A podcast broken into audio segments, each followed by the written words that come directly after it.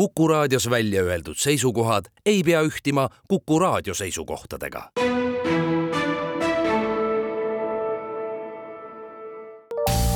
terviseks. saade valmib koostöös Ida-Tallinna Keskhaiglaga. vaata ka itk.ee tere, head Kuku kuulajad, eetris on saade Terviseks ja me räägime täna insuldist. mina olen Ingela Virkus ja koos minuga on stuudios Ida-Tallinna Keskhaigla neuroloogiakeskuse juhataja doktor Inga Kaljo, tere! tere! mis seisundiks või haiguseks siis insulti loetakse? insult on selline ajutegevuse häire, mis tekib siis äh, näiteks siis, kui ajul ei ole piisavalt hapnikku või piisavalt verevoolu. Et tavaliselt siis mingisugune kas veresoone sulgus või, või veresoone lõhkemine insuldist rääkides ongi ju ka kaks peamist alaliiki, ajuinfarkt ja ajuverejooks, et äh, kuidas need mhm. teineteisest erinevad? jah, nad ongi selle poolest erinevad, et äh, ajuinfarkti korral tekib siis veresoone sulgus, mis on siis Äh, takistab siis äh, erinevate toitainete ja hapniku jõudmist aiu ja tekib ajukoe selline kärbumine selle tagajärjel. aju on hästi tundlik äh, sellistele hapnikupuudusele ja ja ajurakud hakkavad hästi kiiresti surema. ja siis teine insuldiliik on siis ajuverevarandus, mis on siis, tekib aju veresoone lõhkemise tagajärjel siis tekib selline samamoodi selline hapnikunälg ajurakkudes samas lisaks veel ju räägitakse ka miniinsultidest, et äh, kuidas neid ära tunda või pigem inimene ise vist ei tunnegi neid ära? ei, inimene võib väga hästi ära tunda, et, äh, et see miniinsult, äh, selle all mõeldakse sellist meditsiinilises terminis öeldakse selle kohta transitoorne išeemia atakk mis siis äh, tekib ka täpselt samal põhjusel, mis ka ajuinfarkt, et äh, tekib äh, selline mööduv mingisugune veresoone sulgus näiteks, mis, mille tagajärjel siis aju, aju ei saa hapnikku, aga siis lõhustatakse omaenda selliste ainete toimel ära, et see läheb mööda ja ei teki sellist püsivat ajukahjustust. aga selle käsitlus ja see olemus on tegelikult sama, et sellel inimesel on väga suur risk saada insulti ikkagi ka aga on see üldse võimalik, et inimene ei tunne seda? siis ma ei saa öelda, et see on selline, et see on see atakk, et, et seda atakki ikkagi inimene peaks tundma, aga teinekord võib ka tõesti niimoodi olla, et et me näeme, et inimesel on ajus näiteks näha ajuinfarkti kolded, aga ta ei teagi, et tal oleks midagi olnud, et see on täitsa võimalik. aga seda miniinsulti me tavaliselt ikkagi inimene tunneb, muidu tagantjärgi me ei saa öelda, et see oli miniinsult. jah, ma mõtlesingi, et ma küsin igaks juhuks seda, sest et südameinfarkti korral vist on niimoodi, et võib-olla see infarkt on noh, nii kuidagi väike, et ta ei anna märku ja pärast näiteks siis ja, näitajad, näitajatest tuleb välja. et selle ajuga on midagi sarnast võib olla, et, et see kolle võib paikneda sellises piirkonnas, mis inimest kuidagi näiliselt ei puuduta, aga tegelikult ajukahjustus tekib küll aga miks insult tekib, et kellel selle tekkeks suurem soodumus on või, või mis seda põhjustab üldse mm? -hmm et kõik noh, väga suur risk on muidugi vanus, et vanuse suurenedes oluliselt suureneb insuldirisk ja erinevad kaasuvad haigused, et äh, näiteks äh, kõrgvererõhktõbi või suitsetamine on väga-väga olulised riskifaktorid, teise tüübi diabeet või üleüldse diabeet. Ja siis erinevad sellised kolesterooli tõus ja erinevad sellised kroonilised haigused, mis kahjustavad veresooni ja mille tagajärjel võib tekkida siis nii tugev veresoone kahjustus, et see lõpuks sulgub kuidas insulti ära tunda, et mida inimene ise ennekõike tunneb ja mida võib-olla siis kõrvalseisjad näevad? Eh, inimene ise isegi mõnikord ei pruugi midagi aru saada, aga mida tavaliselt saab ja, ja kõrvalolijad saavad ka aru, et eh, selline klassikaline ongi siis eh, noh, selline teatud ajupiirkonna kahjustus, mille tagajärjel tekib siis näiteks kõnehäire, et inimene ei saa neid õigeid sõnu välja öelda ta ajab sõnad segamini või sõnade lõpud lähevad kõik sassi või hakkab ta kõne pudistama ja võib-olla läheb tal üks äh, suunurk viltu ja, ja näiteks tekib ühe keha poole halvatus,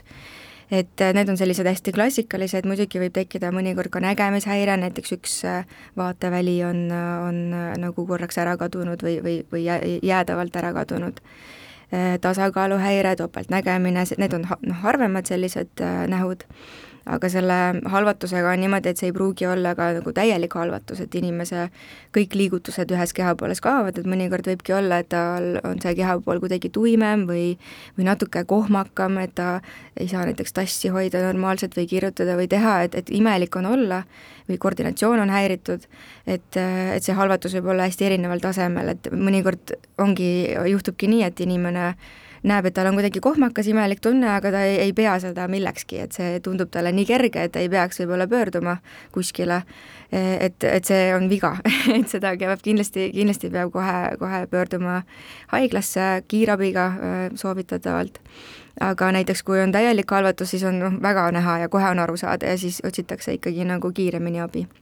see pudisev selline rääkimine ja selline noh, et ei jaksa kuidagi kruusi käes hoida ja et äh, kuidas need tavapärasest sellisest äh, olekust võib-olla erinevad, et kui näiteks no oled vähe maganud, äh, siis kõne ei tule võib-olla nii mhm. selgelt ja mhm. puhtalt ja konkreetselt välja, nagu tavapäraselt oleks, et kuidas ma sellest nagu ikkagi aru võiksin saada, et mis erinevus nende vahel on? no seda kohe on tunda et, et see on selline ikkagi üsna konkreetne ja, ja hästi oluline on just see, et, et see kõik tekib hästi järsku et muidugi mõnikord inimene võib ärgata ja tal on juba see sümptomaatika, aga, aga tavaliselt, kui ta on ärkvel äh, ja toimetab, siis see tekib sekundite pealt kohe, äh, on tunda, et midagi on juhtunud ja, ja tekibki selline, see, see on võib-olla tõesti mõnikord ei saada väga hästi aru, aga, aga see on ikkagi normaalsest olekust ikkagi väga erinev, et äh, inimene peab kohe aru saama, et kui ta tunneb, et midagi on valesti, siis ikkagi peaks kohe, kohe kiirabi kutsuma. Need sümptomid, nagu te ka ütlesite, tekivad järsku, aga kas äh, ma ei tea, päev enne, päev, kaks päeva enne tekivad ka mingisugused sümptomid, mis võivad viidata sellele, et insult on tulemas, ma ei tea, näiteks pea valutab või mm? -hmm et ähm, peavalu ei ole väga tavaline insuldi korral, et äh, eriti mitte ajuinfarkti korral, mida on palju sagedamini kui teisi insulte. Et peavalu võib tekkida siis, kui on näiteks äh, verevalandus ajus, äh, näiteks kui on ämblik võrkeste alune verejooks, siis inimesel tekib väga-väga tugev peavalu ja selline nagu pikselöögi peavalu nimetatakse seda. et siis äh, ta saab sellest ka kohe aru, et see on niivõrd ebameeldiv, et ta kutsub kohe kiirabi. mõnikord sellele võib eelneda ka, et mõned päevad võib olla ka sellist tugevat peavalu, mis möödub, aga peavalu üldse, üldiselt ei ole tegelikult ajuinfarkti või, või tähendab insuldi tunnus, kui see just ei ole see aju-verevalandus, et ajuinfarkt on palju sagedasem ja selle korral peavalu ei ole, aga võib tekkida siis neid nii-öelda neid miniinsulte enne seda, näiteks äh, nädal aega enne või, või paar päeva enne on just selline äh, sellised sümptomid, äh, mis tekivad ja mööduvad ja inimene näiteks ei pöördu haiglasse, arvab, et see on möödas, et noh, ju siis oli midagi, mis ei ole jäänud